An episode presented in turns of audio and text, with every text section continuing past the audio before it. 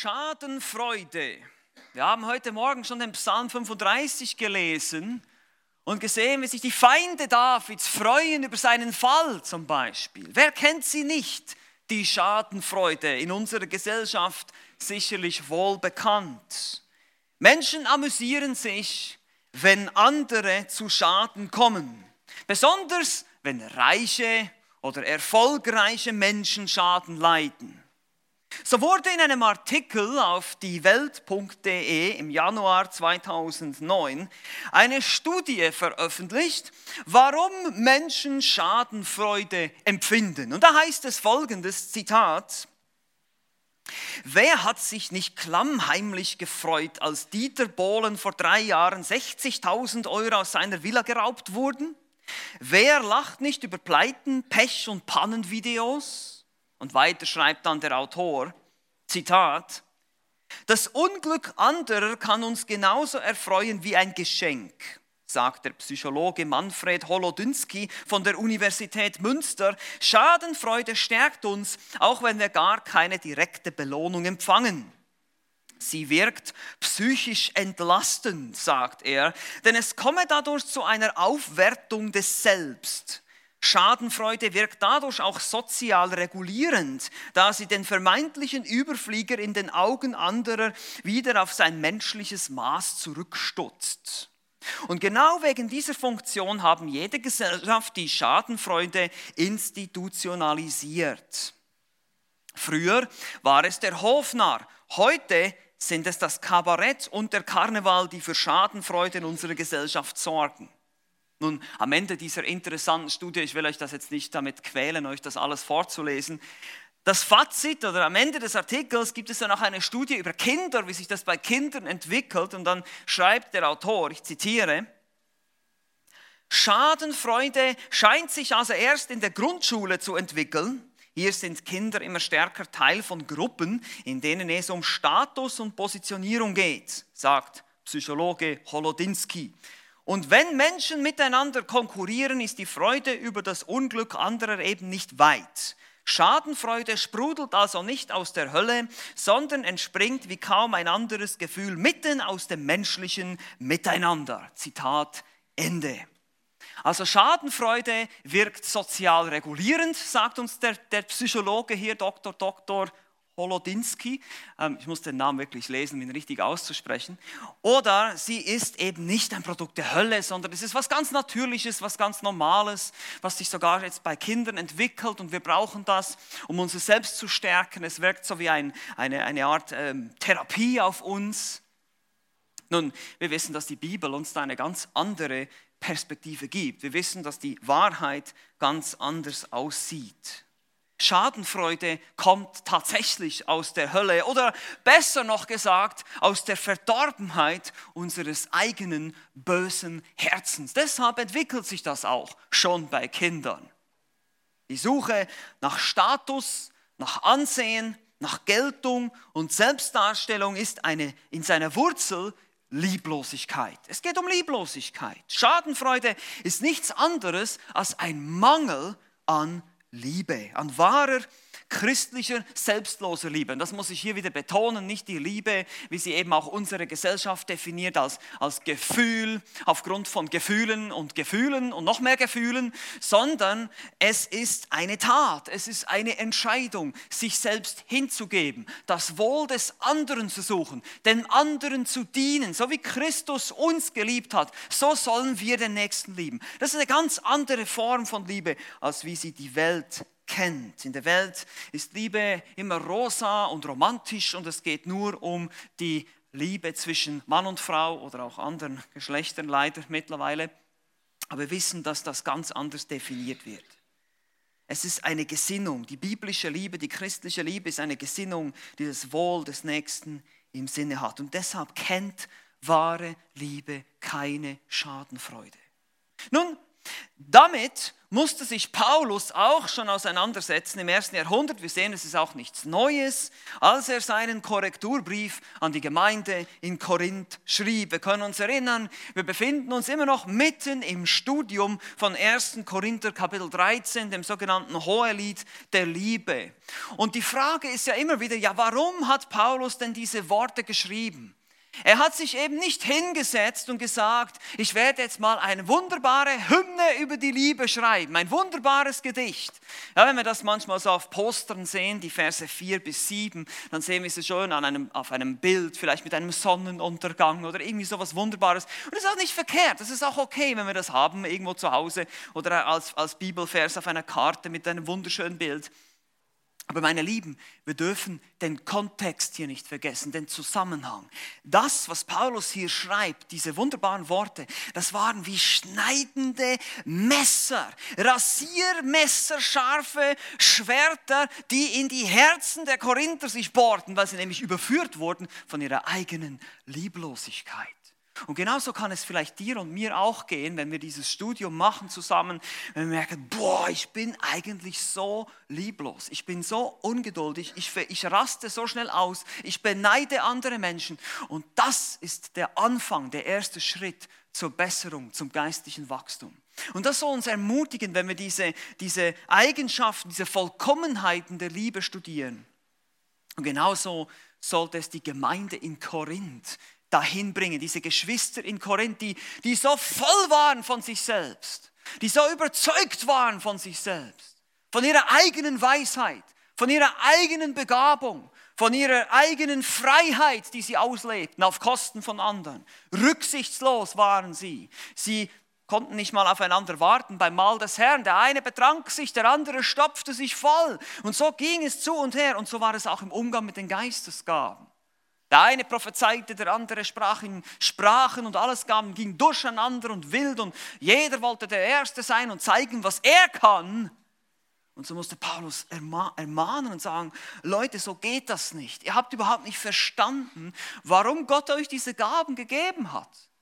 Er hat euch diese Gaben nicht gegeben, um euch damit aufzublustern, um damit anzugeben, sondern um den anderen zu dienen um ein Diener zu werden. Genauso wie Christus, der selber alle Gaben hatte letztlich, der Perfekte, der Vollkommene, der eben auch zum Knecht wurde, gedient hat. Und so ermahnte sie in Kapitel 12, im Vers 31, am Ende seiner, seiner Ausführungen, seiner ersten Ausführung, die Geistesgaben, dass sie nach dem vortrefflicheren Weg streben sollen. Dass sie auf diesen vortrefflicheren Weg kommen sollen. Er zeigt ihnen jetzt diesen vortrefflicheren Weg, wie sie ihre Gaben oder besser gesagt auch in ihrem Dienst als Christen viel effizienter sein können. Und meine Lieben, so ist es auch bei uns. Wenn du, wenn wir, wenn du und ich, wenn wir im christlichen Dienst effizient sein wollen für den Herrn, nützlich für den Herrn, dann ist es eine Sache, die wir wirklich lernen müssen. Richtig zu lieben, biblisch zu lieben. Und das ist etwas, wo wir alle wo wir alle immer noch Mangel haben, wo wir alle lernen müssen. So war es auch in Korinth. Das zeigte sich dann damit, dass sie sich gegenseitig vor Gerichte zogen, dass sie eben ihre Freiheiten ausgelebt haben, jeder nach seiner Fasson, jeder hat nur auf sich geschaut, anstatt auf den Nächsten und so ging es heillos durcheinander und Paulus ruft sie zur Buße. Und deshalb sind diese Verse, dieses Hohelied der Liebe, ist eigentlich ein Aufruf zur Buße hin zum Weg der Liebe, auf den vortrefflicheren Weg, auf den höheren Weg des Dienstes für Christus. Dass du es nicht nur aus Pflichtgefühl machst, weil du denkst, du musst, weil du so erzogen wurdest vielleicht. Oder dass du denkst, ich muss es ja machen, weil der Pastor erwartet das von mir. Oder sonst irgendein Grund, religiöse Pflichten, irgendwas, Gesetzlichkeit. Nein, wir sollen Christus dienen, weil wir ihn lieben und weil wir den Nächsten lieben. Das soll die Motivation sein. Und so haben wir gesehen, wie Paulus sagt, du kannst alle Gaben haben.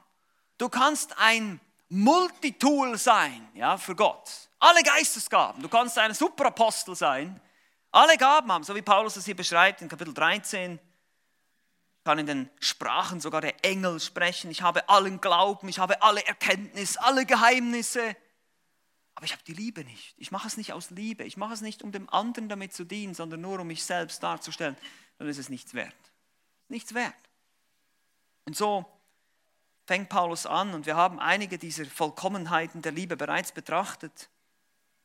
Die Liebe ist langmütig, heißt es hier, sie ist freundlich. Sie neidet nicht, eben sie ist nicht neidisch auf die Begabung des anderen. Und sie prahlt auch nicht mit ihren eigenen Begabungen oder ist nicht arrogant, ist anständig, weiß sich wie benehmen, ist nicht rücksichtslos und macht einfach, was immer sie will, was ihr gerade so passt, egal was der andere denkt ist nicht egoistisch, das ist eigentlich die Wurzel von allem. Sie sucht nicht das ihre. Ich meine, wenn, wenn ihr euch die ganze Problematik auch in der heutigen Gesellschaft anschaut, dann müssen wir einfach sagen, das Problem ist purer Egoismus. Jeder schaut nur für sich selbst. Hauptsache ich, Hauptsache mir geht's gut. Hauptsache ich habe mein Geld. Hauptsache ich habe mein Haus. Hauptsache ich habe und du kannst einfüllen. Alles dreht sich nur um mich. Ich, mir, meiner, mir. Ja. Herr segne diese vier, ja, so machen wir es dann christlich. Aber es ist immer noch, es geht immer noch um uns. Und wir müssen lernen, die Liebe sucht nicht das ihre. Deshalb rastet sie auch nicht aus. Das heißt, sie verliert nicht die Nerven, wenn nicht alles so läuft, wie ich das will. Und das ist gar nicht so einfach, wenn wir das feststellen im Alltag. Und sie ist eben auch nicht nachtragend. Ja? Sie kommt nicht immer wieder, holt immer wieder die alten Geschichten hervor und versucht den, denjenigen zu belasten, weil das ja mal in der Vergangenheit irgendeinmal zu irgendeinem Vorfall kam. Und dann müssen wir immer wieder dieselben Sachen durchsprechen. Und man spricht wieder, du hast mich damals vor Jahren, weißt du noch, hast du das und das. So ist die Liebe auch nicht. Sie ist nicht nachtragend. Und jetzt kommen wir zu Nummer 10. Die Liebe kennt keine Schadenfreude. Ich lese uns unseren Bibeltext heute vor, 1. Korinther Kapitel 13. Ich lese auch wieder ab Vers 4 und lese bis und mit Vers 6. Also den ganzen Vers 6. Wir kommen langsam voran. Okay? Gut. Die Liebe ist langmütig, ist gütig. Die Liebe neidet nicht. Die Liebe tut nicht groß. Sie bläht sich nicht auf. Sie gebärdet sich nicht unanständig. Sie sucht nicht das ihre, sie lässt sich nicht erbittern, sie rechnet das Böse nicht zu. Sie freut sich nicht über die Ungerechtigkeit, sondern sie freut sich mit der Wahrheit. Nun, in diesem Text, in Vers 6, finden wir zwei Eigenschaften, die gedanklich zusammengehören, wie so ein Paar. Sie freut sich nicht an Ungerechtigkeit, aber sie freut sich an der Wahrheit. Wir sehen, dass es geht um Freude hier. Einmal nicht an Ungerechtigkeit und auf der anderen Seite dann aber an der Wahrheit. Und wir werden heute erstmal damit beginnen, uns mit der ersten Hälfte zu befassen. Liebe freut sich nicht an der Ungerechtigkeit. Lass uns erstmal genau anschauen, was der Text bedeutet und dann gehen wir noch ein bisschen in die Anwendung, was wir dann damit machen. Hier finden wir das Verb freuen.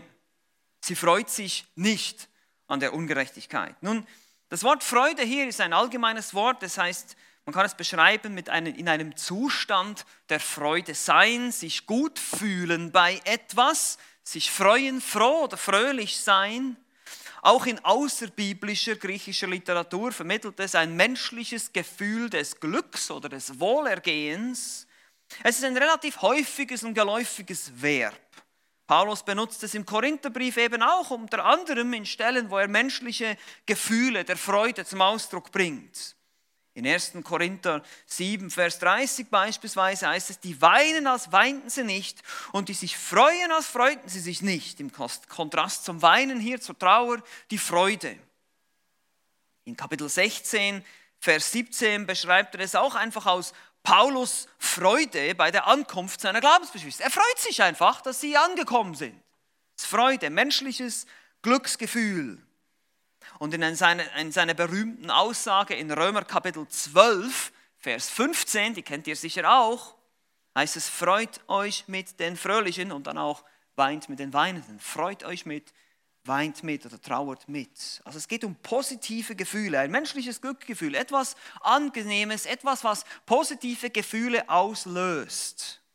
Andere Stellen sind zum Beispiel Lukas 1,14, da wird die Freude darüber zum Ausdruck gebracht, dass Elisabeth, die Frau des Zacharias, guter Hoffnung ist, passt auch gut in die Weihnachtszeit hier.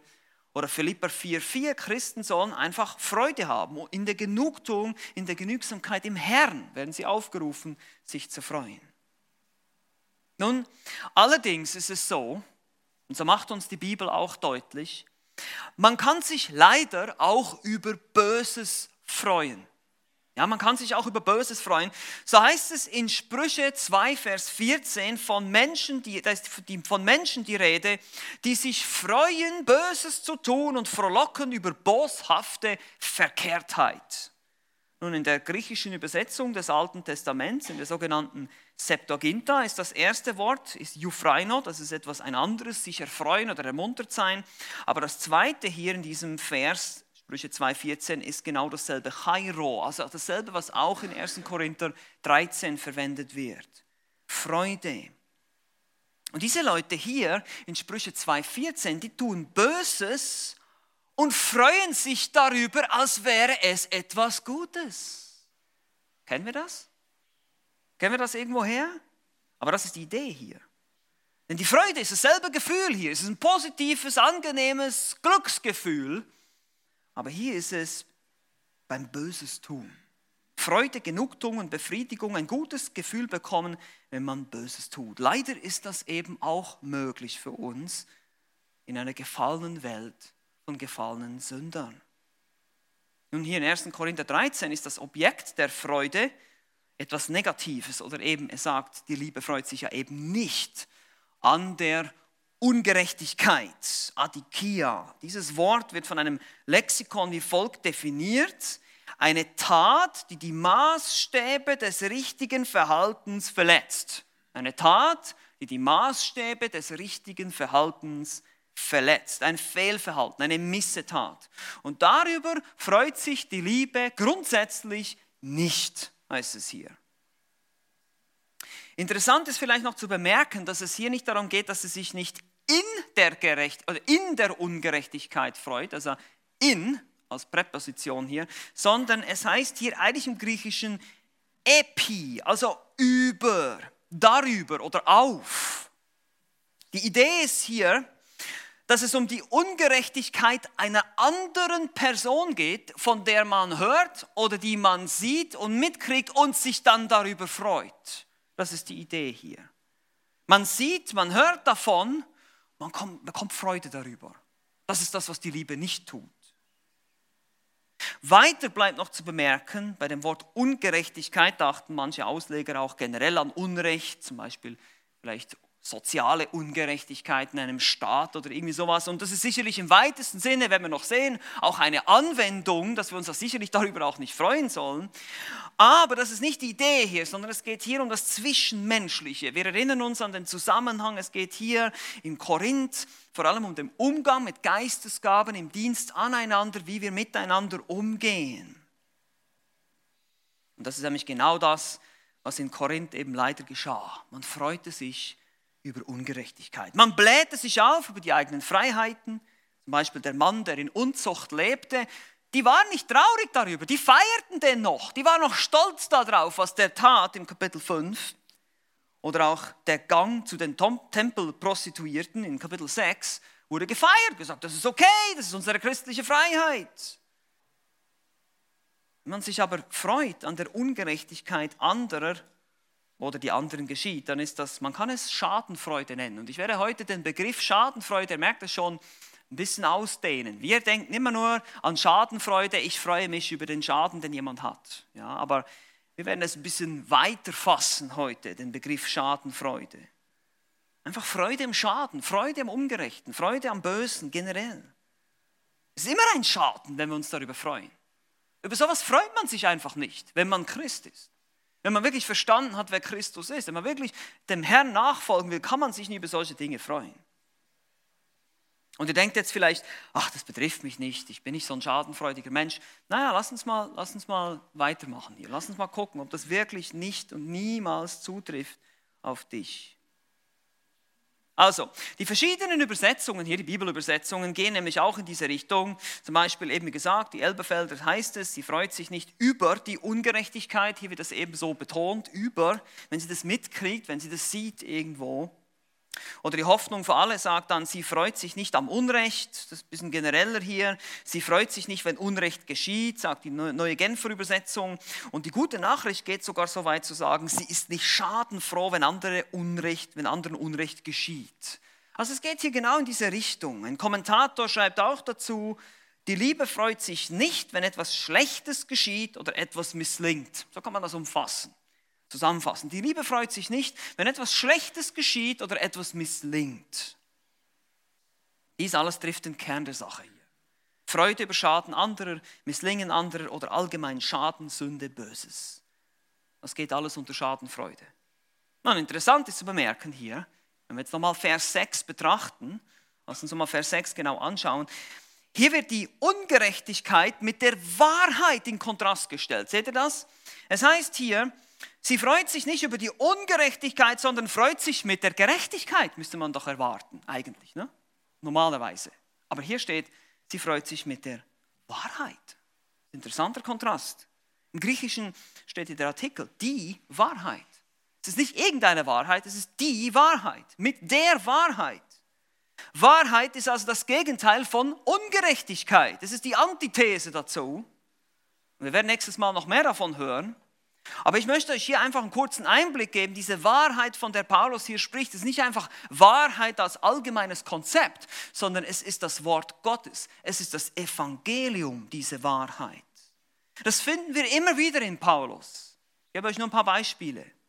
Römer 1, Vers 18. Denn es wird geoffenbart Gottes Zorn vom Himmel her über alle Gottlosigkeit und Ungerechtigkeit der Menschen, welche die Wahrheit durch Ungerechtigkeit niederhalten. Römer 2, Vers 8, denen aber die selbstsüchtig und der Wahrheit ungehorsam sind, dagegen der Ungerechtigkeit gehorchen, Grimm und Zorn. Oder 2. Thessalonicher 2, Vers 12, damit alle gerichtet werden, die der Wahrheit nicht geglaubt haben. Die Wahrheit wird also geglaubt. Sie ist die geoffenbarte Wahrheit Gottes und sie wird geglaubt und man kann ihr gehorchen oder eben nicht gehorchen. Meine Lieben, das ist Gottes Wort, das ist das Evangelium. Das ist die Wahrheit. Jesus hat selber gesagt, ich bin die Wahrheit, der Weg, die Wahrheit und das Leben. Und somit ist Schadenfreude, jetzt nähern wir uns weiter mit unserer Definition hier, Schadenfreude ist Freude an allem, was Gottes Wahrheit widerspricht oder entgegensteht. Schadenfreude ist also alles, oder Freude an allem, was Gottes Wahrheit widerspricht oder entgegensteht. Meine Lieben, das ist der größte Schaden der Menschheit, um es mal so auszudrücken. Der größte Schaden der Menschheit ist nicht die Probleme, die wir in der Politik haben oder sonst irgendwas, eine Flüchtlingskrise und was es da alles für Themen gibt in den Nachrichten. Der größte Schaden der Menschheit ist ihre Liebe zur Sünde. Die Menschen lieben Ungerechtigkeit. Oder soll ich es mal so ausdrücken? Wir lieben Ungerechtigkeit, wenn ich mal von uns als der menschlichen Rasse spreche. Und hier ist es egal, woher du kommst. Und hier ist es egal, welche Religion du angehörst du liebst die Sünde von Natur aus.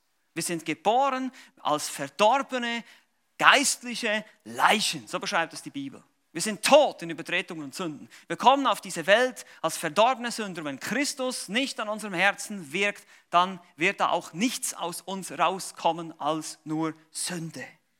Und ihr seht schon, deshalb brauchen wir einen Retter. Deshalb brauchen wir Christus, weil wir sind einfach hoffnungslos verloren.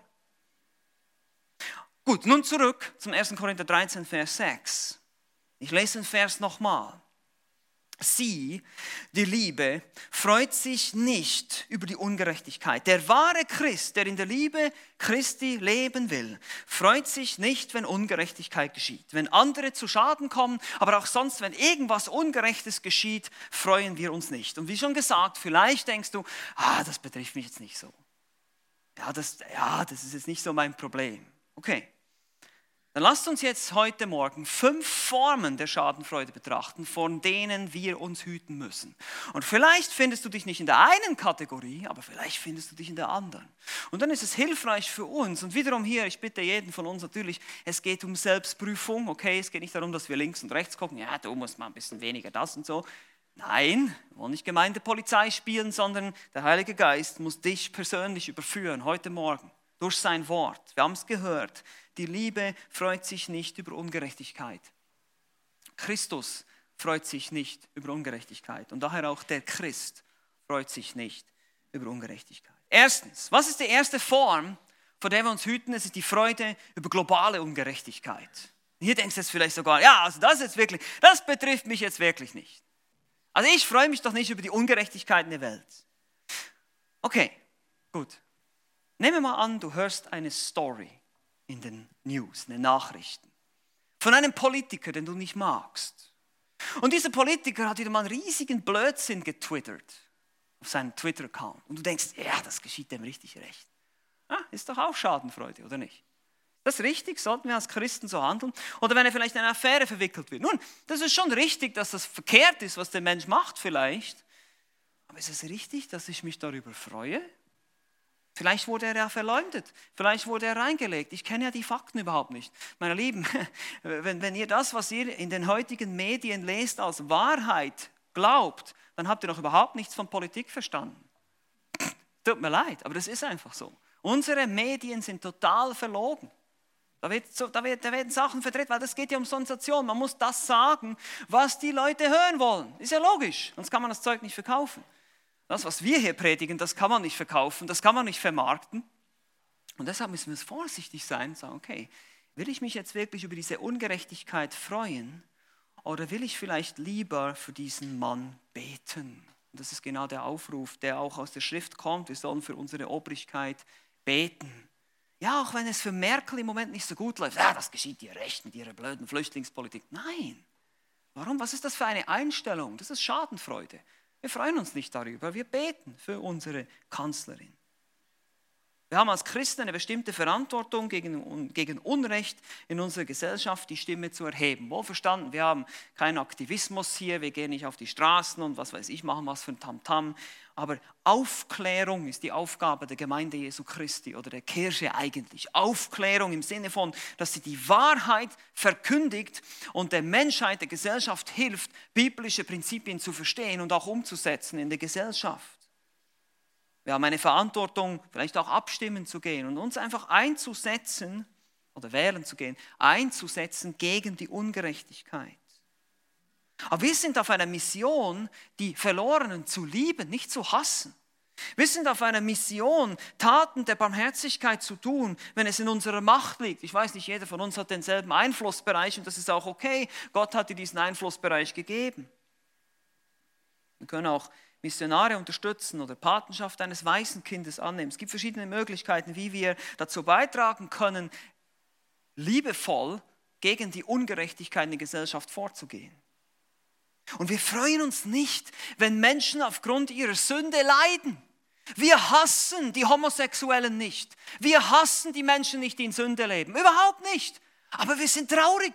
Es macht mich traurig zu sehen, wenn ein, wenn ein Homosexueller an AIDS erkrankt. Da freue ich mich nicht drüber. Die Liebe freut sich nicht daran, sondern sie streckt sich aus und versucht diesem Mann zu sagen, hey, du brauchst Christus. Du musst umkehren. Du musst gerettet werden. Du brauchst den Herrn. Oder wenn Menschen an Drogen sterben, das ist keine Freude. Ja, endlich ist wieder. Nein, das ist doch schlimm, das ist doch tragisch. Diese Seele ist wahrscheinlich in die Hölle gefahren. Wir trauen, wir beten für diese Menschen. Vergib ihnen, denn sie wissen nicht, was sie tun, sagt Jesus. Und wenn ihr uns heute betrachtet, wir sind eine skandal- und story-süchtige Gesellschaft geworden. Guckt euch nur mal die Social Media an. Das ist schrecklich, was da alles breitgetreten wird. Darüber freuen wir uns nicht, wenn wir wahre Christen sind. Wir dürfen uns nicht über das unterhalten, was auf Kosten und Schaden der anderen geht, egal woher es kommt. Das ist schon mal herausfordernd. Das war die globale Ungerechtigkeit. Jetzt geht es weiter. Zweitens, die zweite Form, die zweite Kategorie, die ich euch heute ans Herz legen möchte und mir selbst natürlich auch. Freude an Gottlosigkeit selbst. Freude an Gottlosigkeit. Und das ist vielleicht ein sehr offensichtlicher Punkt, aber ich muss es einfach ansprechen. Es geht um die heutige Unterhaltungsindustrie. Gottlosigkeit, Gewalt, Unmoral, Unzucht, sexuelle Unzucht vor allem, wird dargestellt in Filmen, in Theatern, auf Konzerten, überall, zur Unterhaltung, zur Freude des Menschen. Und was tun wir Christen? Wir machen mit, leider oft. Welche Magazine guckst du dir an? Welche Filme guckst du dir an? Wo gibt es Filme, die nur auf die Freude an der Gottlosigkeit abzielen. Meine Lieben, ich möchte hier nicht falsch verstanden werden. Es gibt in unserer Welt einen Platz, für Gewalt, zum Beispiel. Ja, zum Beispiel äh, Terrorbekämpfung, Polizei, Militär. Braucht es in einer gefallenen Welt. Es geht nicht ohne. Und es gibt Filme, die das thematisieren. Ja, manchmal sogar Actionfilme oder Krimis. Ich sage nicht, als Christ darf man das nicht gucken. Aber wir müssen uns die Frage stellen, erstens mal, wie viel wir davon gucken. Und dann wird in diesem Film diese Gewalt verherrlicht, als etwas Positives dargestellt oder lächerlich gemacht, sodass wir darüber lachen. Es gibt Filme, muss ich ehrlich sagen, die teilweise Gewalt ziemlich grafisch darstellen, die einem wirklich zu denken geben. Vielleicht über Krieg oder wegen einer Geschichte irgendwas geht. Aber andere unterhalten uns nur. Und da müssen wir uns vorsichtig die Frage stellen, inwiefern will ich mich damit unterhalten und dann darüber freuen. Ja, ich spreche auch hier natürlich vor allem die jungen Menschen an unter uns, liebe Jugendlichen. Ich weiß, dass Marvel-Superhelden gewissen Reiz haben, aber wir müssen uns trotzdem die Frage stellen, wie viel und welche von diesen Filmen wollen wir wirklich anschauen. Es gibt manche von ihnen, die einfach wirklich Gewalt nur sinnlos verherrlichen und nur derbe Sprache und nur was weiß ich. Und da muss ich als Christ einfach abschalten und sagen, das kann ich mir nicht angucken. Ich weiß, es ist, es ist so eine Balance, die wir haben. Wir leben in dieser Entertainment-driven, in dieser unterhaltungssüchtigen Gesellschaft. Und wir müssen uns irgendwie bewusst machen, dass wir uns nicht über solche Dinge, dass wir uns nicht mit der Gottlosigkeit unterhalten selber. Also achte auf dein Entertainment, wie du deine Freizeit verbringst. Es sind nicht nur Filme hier, es sind auch vielleicht sogar Romane, die wir lesen. Diese ganzen Liebesromane, die es gibt, Beziehungskisten, Magazine, die ganzen Skandalgeschichten von Königen und Herzogen aus England und wo, wo, was weiß ich auch immer, wo die, versteht ihr, das sind alles diese Dinge. Es heißt in Römer Kapitel 1, Vers 32, obwohl sie das gerechte Urteil Gottes erkennen, dass die des Todes würdig sind, welche so etwas verüben, tun sie diese Dinge nicht nur selbst, sondern haben auch Gefallen an denen, die sie verüben. Diese Menschen werden verherrlicht in unserer Gesellschaft. Du bist cool, wenn du das tust wenn du so lebst, wenn du so einer bist, der sich an Gottlosigkeit unterhaltet, dann kannst du wieder die coolste, härteste, krasseste Story erzählen. Und dann finde ich alle toll, wahrscheinlich auch in der Schule oder am Arbeitsplatz oder wo auch immer, wird ständig darüber gesprochen. Und da geht es natürlich noch weiter. Selbst die sogenannten harmlosen romantischen Filme müssen wir aufpassen. Das geht vielleicht eher die Mädels an, die Frauen hier. Ja, Liebesbeziehungen, da werden teilweise Untreue, Affären, Sex außerhalb der Ehe und solche Dinge gefeiert. Und du hast gut dargestellt, einfach zur Unterhaltung. Und wir ziehen uns das alles rein. Und wir müssen einfach uns bewusst sein, wenn du und ich, wenn wir in der Liebe wachsen wollen, wenn wir in Christus Ähnlichkeit wachsen wollen, dann müssen wir das hier in uns reinbringen. Und wir müssen uns von der, diese, diesen Unterhaltungsmedien einfach, wir müssen das mit sehr viel Maß und sehr viel Vorsicht müssen wir das. Ich, ich sage nicht, wir müssen weltfremd sein und keine Ahnung haben, was da draußen läuft. Das ist auch nicht in Ordnung. Es ist schon gut, wenn man ein bisschen weiß, worüber die Leute sprechen, damit man auch im Gespräch, wir sind, wir sind zwar nicht von der Welt, aber wir sind trotzdem in der Welt. Das ist schon richtig. Aber die Frage ist, wie weit soll das gehen und wie weit wollen wir uns damit beschäftigen? Hier muss sich jeder selber prüfen. Ich, ich verurteile hier niemanden. Das geht nicht darum jetzt. Es geht darum, einfach sich selbst, sein Herz zu prüfen, inwiefern unterhalte ich mich mit Gottlosigkeit? Inwiefern bereitet es mir Freude, Gewaltszenen zu sehen oder irgendwas anderes? Und da müssen wir uns alle prüfen. Weil wir verdrehen einfach Tatsachen. Wir nennen Gutes böse und Böses gut. Das macht unsere Gesellschaft sehr gut, wie in Jesaja 5,20. Die alltäglichen Dinge, die wir vielleicht auch uns einfach freuen. Heute konnte ich wieder schwarz fahren, habe es wieder geschafft. Nein, das ist doch nichts Schönes. Darüber wollen wir nicht stolz sein. Und so wollen wir nicht als, müssen wir vielleicht auch lernen, dann eben nicht als diejenigen aufzufallen, die cool sind und im Trend sind, sondern diejenigen, die halt als Langweiler abgestempelt werden. 1. Thessalonicher 5, 22 heißt es, haltet euch fern von dem Bösen in jeglicher Gestalt. Also Freude an, an globaler Ungerechtigkeit oder Freude an Gottlosigkeit, jetzt kommt der dritte Punkt. Freude am Schaden anderer. Nun, Jetzt, wird's natürlich, jetzt kommt die typischste Form, sage ich mal, die man eben auch so aus dem Volksmund kennt. Und sie wächst aus einer Missgunst und einem Neid gegenüber dem anderen.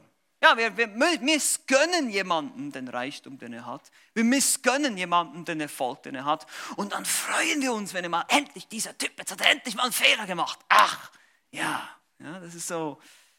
Ich weiß nicht, ob ihr dieses Gefühl kennt. Keine Ahnung, ihr wisst überhaupt nicht, wovon ich spreche, ich weiß. Keine Ahnung. Ja, ja. ja. Ähm, wir sind alle so heilig. Ne? Wir wünschen anderen den Misserfolg oder die Fehler oder sogar die Sünden.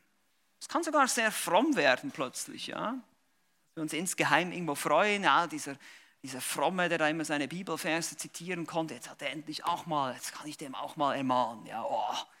ja das ist aber dann nicht wirklich liebevoll, deine Einstellung dabei, wenn du dich darüber freust. Bei manchen geht es dann vielleicht in eine andere Richtung, da geht es dann in die Richtung des Ausnutzen des Schadens anderer, sich daran vielleicht zu bereichern oder die Gelegenheit zu nutzen, im Status aufzusteigen, im Ansehen. Ihr kennt diese Probleme auch aus der Gesellschaft. Jemandem wird die Cloud, der Cloud-Speicher geknackt und da werden die Fotos runtergeladen, dann wird er damit erpresst und solche Dinge. Und wir freuen uns dann drüber, wenn wir davon lesen. Oder die fromme Variante, wenn du nichts tust, was ich dir sage, dann erzähle ich das meinem Pastor. Ja? Also wir nutzen den Schaden des anderen aus, um unseren Willen zu bekommen. Oder in der Gemeinde gibt es ja noch andere Formen. Es gibt auch die ganz korrekten unter uns, die, die, Gesetz, die eher so zur Gesetzlichkeit neigen. Das sind dann diejenigen, die sich darüber freuen, wenn sie die Gemeindepolizei spielen können. Wenn sie wieder mal jemanden ermahnen können. Oh, den habe ich heute wieder mal gegeben. Habe ich mal eine Vorlesung gehalten heute über, wie sein Verhalten aussieht hier. Es ist auch eine Form von Schadenfreude. Wir freuen uns über die Sünde des anderen, anstatt dass wir in Liebe diese Personen versuchen zurechtzubringen. Das ist schon in Ordnung, dass wir das ansprechen, aber nicht mit dieser Einstellung. Andere wiederum nehmen das Versagen anderer zum Anlass, um sich damit zu belustigen. Wir machen uns lustig drüber.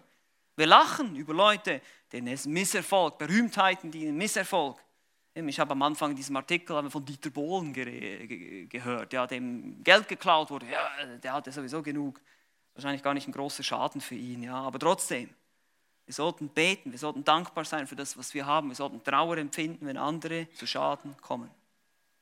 Und wenn wir in der Liebe leben, dann sollten wir uns nicht ständig damit beschäftigen, wie wir die Schwächen anderer ausnutzen können zu unserem Vorteil, sondern es sollte unser Ziel sein, uns nicht selbst zu profilieren, sondern anderen zu dienen, anderen zu helfen, immer zu überlegen. Und das ist das, was die Liebe tut. Die Liebe denkt immer, wie oder was kann dem anderen helfen. Das ist nicht immer so einfach. Ja, wir machen da auch Fehler. Ja, wir können da auch falsch verstanden werden. Aber es ist wichtig, dass wir versuchen, immer zu denken, okay, was hilft dem anderen jetzt? Auch wenn er sich unmöglich verhält in einem bestimmten Moment oder wenn er bestimmte Dinge tut. Ich freue mich nicht über seinen Schaden, wenn er endlich mal einen Fehler macht, sondern ich möchte, dass diese Person, dieser Bruder, diese Schwester oder diese Person zurechtkommt. Also das ist die Schadenfreude. Viertens, wir haben noch eine vierte Form.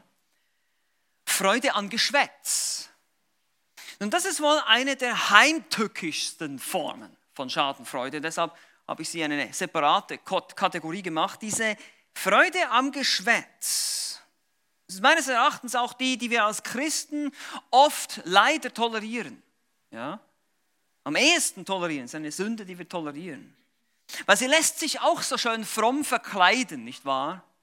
Hey Bruder, ich habe gehört, Bruder so und so hat letzte Nacht mit einem riesigen Streit gehabt mit seiner Frau. Das habe ich bis an die andere Straßenseite gehört. Aber könntest du für ihn beten? Das ist nur als Gebetsanliegen, weißt du?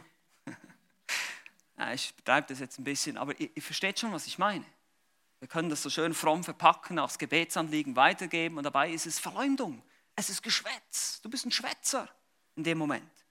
Anstatt dass du die Sünde, wir kommen da noch dazu, in Liebe zudeckst, ja, und nicht einfach so öffentlich breit trittst, äh, und dich darüber freust, dass du das weitererzählen kannst. Und da gibt es zwei Arten. Entweder wird man selber zum Verleumder, das ist da die Freude daran, etwas auszuplaudern, etwas weiterzugeben. Ja, hast du schon gehört? Kommt meistens beginnt der Satz, hey, hast du schon das Neueste gehört? Hast du schon den letzten Schrei gehört, also die letzte Nachricht aus dem Gemeindeklatsch? Geht umher und schwatzt. Wer als Verleumder umhergeht, deckt das Geheimnis auf. Wer aber treuen Geistes ist, deckt die Sache zu. Sprüche 11, Vers 13. Oder auch Sprüche 20, Vers 19. Wer als Verleumder umhergeht, enthüllt das Geheimnis und mit dem, der seine Lippen aufsperrt, lass dich nicht ein. Das sind die Leute, denen man etwas anvertraut und man weiß nicht, wo das am nächsten Tag überall landet. Ja, auf welchem Tisch das dann plötzlich zu sehen ist oder zu hören ist. Das ist die eine Seite. Das sind die Leute, die lernen müssen, Klappe zu halten. Einfach mal still zu sein. Aber da gibt es auch die andere Seite. Und die, meine Lieben, ist genauso schlimm. Okay? Und das sind die Zuhörer. Okay? Das sind diejenigen, die schwätzen, das ist schon mal schlimm, aber diejenigen, die zuhören, sind genauso schlimm und sich darüber freuen. Andere hören einfach gerne zu. Wenn die neuesten Klatschgeschichten aus der Gemeinde erzählt werden, man freut sich, etwas Schlechtes über seine andere Person zu hören. Wisst ihr noch eben, was der Psychologe sagt? Es baut mich selbst auf. Endlich höre ich mal was Schlechtes über einen anderen, nicht immer über mich. Sprüche 18, Vers 8. Die Worte des Verleumders sind wie Leckerbissen. Sie dringen in die verborgenen Kammern des sind Leckerbissen. Hm, hört sich gut an. Freude, Freude. Stattdessen sollte man die Person besser liebevoll konfrontieren, über die sie, äh, über die sie schwätzt. Und deshalb richtet dieses Geschwätz einen dreifachen Schaden an in der Gemeinde. Wirklich sehr ernst. Es schadet der betroffenen Person. Erstens. Weil diese Person weiß immer noch nichts. Man hat sie nicht konfrontiert in Liebe. Man hat ihr nicht gesagt, was sie anders machen soll. Man schwätzt nur über sie. Das heißt, diese Person lebt weiter in Sünde und man lässt sie da drin. Zweitens, du selber wirst darunter leiden, weil du nämlich gesündigt hast und jetzt auch Vergebung brauchst. Und drittens, du hast andere zur Sünde verführt, indem du sie dazu verführt hast, deinem Geschwätz zuzuhören. Oder du hast zugehört und es weitererzählt, wie auch immer. Es gibt verschiedene Varianten. Und deshalb müssen wir sofort, wir dürfen uns nicht hinreißen lassen, Geschwätz anzuhören. Wenn jemand kommt und mir etwas erzählt über eine andere Person, dann stopp, Moment. Hast du mit der Person darüber gesprochen? Hast du sie konfrontiert? Nein, warum kommst du zu mir? Was soll das? Das sollte immer unsere Reaktion sein, immer. Wir müssen sehr, sehr vorsichtig sein. Und leider, leider, leider freuen wir uns manchmal darüber, etwas sowas zu hören. Und das ist eben dann auch Schadenfreude. Wenn wir die Person wirklich lieben, die gesündigt hat oder irgendwas getan hat, dann gehen wir allein erst unter vier Augen auf diese Person zu und rennen nicht gleich zum Pastor oder zu irgendwelchen anderen Leuten, zum Kaffeekränzchen und schlagen es da breit. Das sind die biblischen Schritte der Gemeindezucht zu finden, Matthäus 18. Es beginnt unter vier Augen. Wir machen das verdeckt, wir machen das diskret, in Liebe. Wir wollen die Person schützen, nicht bloßstellen.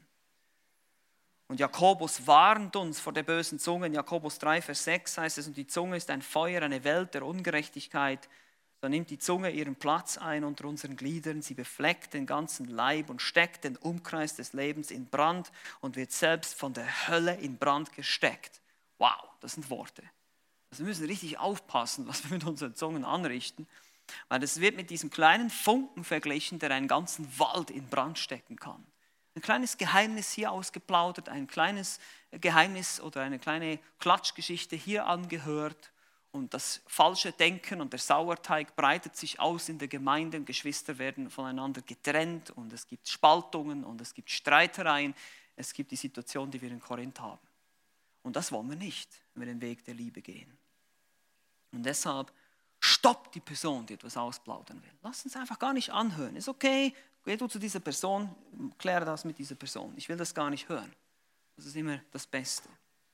Also, wir haben Freude an globaler Ungerechtigkeit, Freude an Gottlosigkeit selbst, Freude am Schaden anderer, Freude am Geschwätz. Es gibt noch eine fünfte Form, vor der wir uns hüten. Freude an falscher Lehre. Hm. Freude an falscher Lehre.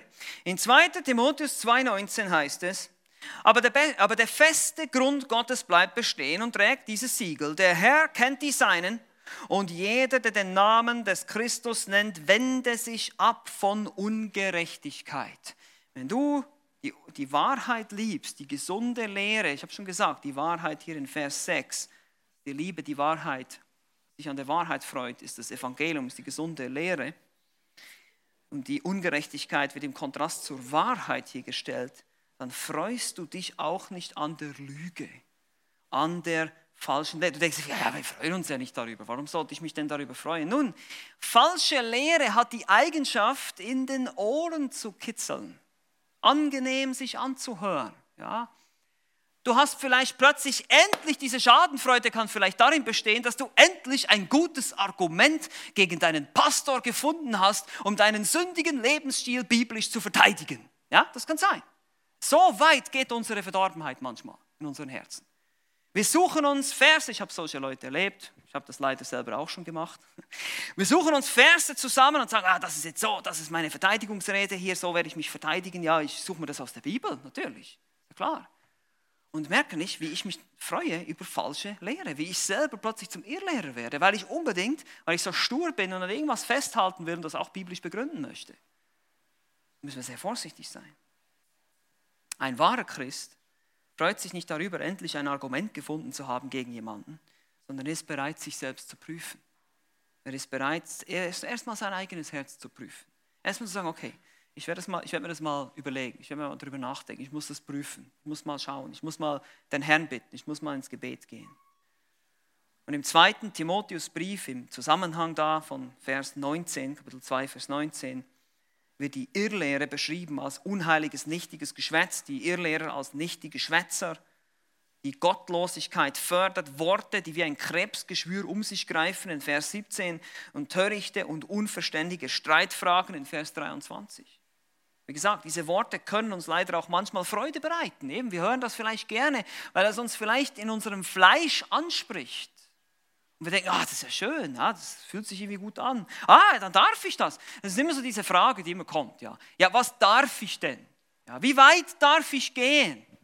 Ja, ist, ist Küssen noch okay oder was auch immer? Wie weit kann ich gehen? Wie weit kann ich nahe an die Sünde rangehen, damit ich noch gerade nicht sündige, noch gerade noch so unten durchgehe als Christ? Das sollte nicht unser Motiv sein. Das ist nicht liebevoll. So liebst du nicht die Wahrheit, so liebst du die Ungerechtigkeit. Du möchtest, du möchtest irgendwie so ein bisschen mit dem Feuer spielen, so ein bisschen nahe an die Ungerechtigkeit herankommen. Nein, das wollen wir nicht. Wir lieben nicht die Ungerechtigkeit, wir wollen die Wahrheit lieben. Und deshalb hassen wir falsche Lehre. Ja, das ist richtig. Liebe hasst auch. Wahre Liebe hasst auch, nämlich das Böse. Gott hasst das Böse. Das wird heute immer so dargestellt. Ja, Gott liebt dich und hat einen wunderbaren Plan für dich. Ja, das ist äh, teilweise richtig, aber die Bibel sagt auch, Gottes Zorn wird geoffenbart über die Sünde des Menschen. Wenn du wahrhaft liebst, dann hast du das Böse. Dann hast du deine Sünde. Dann hast du alles Ungerechte. Das willst du nicht in deinem Leben. Sonst hast du keine Gerechtigkeit. Weil die Liebe ist verbunden mit Gerechtigkeit, die Liebe ist verbunden mit Wahrheit. Das ist nicht so, eine, so ein Dusel, Gefusel, Gefühlsding, diese Liebe. Das ist eine echte, eine wahre Liebe, die sich hingibt und die dient, aber die eben auch die Wahrheit liebt, die gesunde Lehre. Und deshalb können wir nicht einfach zu den Menschen gehen und sagen, Jesus liebt dich. Nun, ja, das stimmt, er, hat, er ist im Kreuz gestorben für die Menschen, das ist wahr, aber Gott ist auch zornig auf dich auf deine Sünde, auf das, was du tust, auf das, was du liebst, ist er zornig. Das müssen wir auch verstehen. Gott richtet auch. Wir müssen die Liebe im Zusammenhang mit anderen Eigenschaften Gottes immer wieder verstehen und in Balance bringen. Sonst kommen wir da weg von der Wahrheit. Und wir sehen dann nächstes Mal auch, dass die Liebe sich eben an der Wahrheit freut und wir das aktiv tun können. Nun, was ist das Gegenmittel? Wir haben jetzt sehr viel Negatives gehört, keine Sorge, wir werden nächstes Mal sehr viel Positives hören, aber wir wollen uns hüten von diesen fünf Formen der Schadenfreude. Vielleicht hast du dich irgendwo wiedergefunden, vielleicht gibt es auch noch ein Gemisch und eine Kombination, an die ich jetzt nicht gedacht habe, aber wir merken, das Problem steckt in unserem Herzen. Wir werden irgendwie wie magisch angezogen manchmal von diesem Bösen. Es scheint einfach irgendwie cooler zu sein, unterhaltsamer zu sein, sich besser anzuhören, lustiger zu sein, was immer es ist. Es geht eine bestimmte Faszination aus vom Bösen. Und das hat damit zu tun, dass wir immer noch ein sündiges Fleisch mit uns herumschleppen, eine Neigung zum Bösen, die es eben dahin zieht, die eben dahin möchte, die eben diese Ungerechtigkeit immer noch liebt. Aber wenn du Christ bist, dann bist du ein neuer Mensch. Und deshalb habe ich hier drei praktische Schritte, drei praktische Anwendungspunkte für dich jetzt für nächste Woche als Vorbereitung auch für die nächste Predigt aus der Wahrheit, wie wir dann wirklich die Wahrheit lieben und leben können. Erstens, das Evangelium bringt Klarheit. Letztlich ist das Evangelium die Lösung. Wir haben gesehen, die Liebe freut sich nicht an der Ungerechtigkeit, aber sie freut sich mit der Wahrheit, mit dem Evangelium, mit der guten Nachricht von Jesus Christus, der die Wahrheit selbst ist. Also das Evangelium bringt deshalb erstmal Klarheit. Wir verstehen nur durch die Bibel, durch die Schrift, was abgeht in unserer Welt. Der Psychologe kann uns da nicht helfen, den wir gehört haben, Herr Hotinski oder wie er heißt. Er kann uns dabei nicht helfen, weil er versteht es nicht. Er ist blind. Er ist ein Sünder und er ist blind. In, er, er, hat keine Erkenntnis, solange er nicht an Gott glaubt. Das sagt die Schrift, das sagt die Bibel, das sagt nicht ich. Ich bin hier nicht hochmütig. Ich sage, die Schrift sagt, wir haben keine Erkenntnis, solange wir nicht an die Wahrheit glauben. Weil Jesus hat gesagt, die Wahrheit macht euch was? Frei. Genau, Wahrheit macht euch frei. Also wir können nur verstehen, wir können diese Welt nur verstehen, wenn wir die Bibel glauben, wenn wir der Bibel glauben. Und sonst weißt du nichts über alles und alles über nichts, du hast keine Ahnung, wenn du nicht dich dem Wort Gottes unterordnest. Du kannst nichts wissen. Und deshalb sind auch die Wissenschaftler, die sogenannten Wissenschaftler, die versuchen mit Evolutionstheorie zu kommen, die haben eigentlich die sind falsch, weil die nehmen ganz falsche Dinge an. Die müssen die Schrift annehmen, um wahre Wissenschaft zu betreiben. Und so auch wir, um zu verstehen, was es mit der Schadenfreude auf sich hat, müssen wir die Schrift heranziehen. Du bist ein Sünder, du brauchst Vergebung, du hast Gottes Gebote gebrochen. Das sind die Gedanken. Und du bist schuldig vor Gott und du bist so schuldig, dass du dafür in die ewige Verdammnis gehen wirst wenn du nicht Buße tust. Ja, deine Sünde, meine Sünde ist im Angesicht eines heiligen Gottes so schlimm, so verheerend, so ein Kapitalverbrechen, dass das die angemessene Strafe die ewige Hölle sein wird. Und das bringt schon mal etwas Klarheit in mein Leben und in deins hoffentlich auch, dass ich merke, ich muss erstmal Buße tun von meinem alten Leben. Ich muss Christ sein, ich muss wiedergeboren sein. Das Evangelium bringt Klarheit. Zweitens, das Evangelium bringt die Lösung. Nun, 1. Johannes 5, 19 sagt, die Welt liegt im Bösen. Ja, es ist so, es gibt viel Schadenfreude und auch andere Sünden in dieser Welt. Aber die, das Problem ist, die Welt ist böse. Die Welt ist gefallen. Sie braucht Erlösung. Christus allein hat bezahlt. Christus liebt alle Menschen, will Gerechtigkeit für alle. Er wünscht keinem den Schaden, den Untergang. Gott freut sich nicht über den Tod des Gottlosen. Hesekiel 18, Vers 23 sagt Gott, oder habe ich etwa gefallen am Tod des Gottlosen, spricht Gott der Herr, und nicht vielmehr daran, dass er sich von seinen Wegen bekehrt und lebt. Gott bietet uns das Heil an. Das Evangelium ist die Lösung. Gott wünscht keinem den Untergang. Er ist nicht schadenfreudig. Er freut sich nicht darüber. Also wir auch nicht. Und drittens, das Evangelium bringt Veränderung. Das Evangelium bringt Klarheit. Das Evangelium bringt die Lösung. Das Evangelium bringt Veränderung. Die Veränderung beginnt bei mir persönlich, bei dir persönlich, in deinem Herzen. Ich kann einen Unterschied machen in einer Welt voller Schadenfreude, voller Liebe zur Sünde. Und deshalb tue Buße, hör auf damit, andere zu hassen, ihnen Schaden zu wünschen oder mit Bösen dich zu befassen oder dich gar damit zu unterhalten und dich ständig damit zu füllen. Unsere Gedanken müssen die Wahrheit denken, die Wahrheit lieben.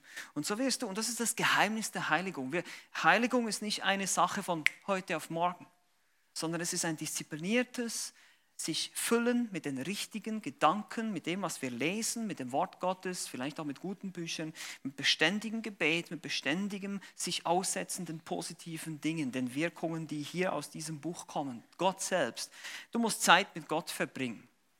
Du musst Zeit mit Jesus verbringen, dann wirst du ihm ähnlicher werden. Und wenn wir Zeit mit anderen Dingen verbringen, dann werden wir diesen Dingen ähnlicher werden. Das ist eigentlich relativ simpel zu verstehen, es ist nur nicht so einfach zu praktizieren. Aber da kommen wir auch weg von der Schadenfreude, wenn wir das Evangelium verstehen. Das Evangelium ist der Wunsch Gottes, dass der Mensch nicht zum Schaden kommt und zur Hölle fährt, sondern dass er gerettet wird und lebt.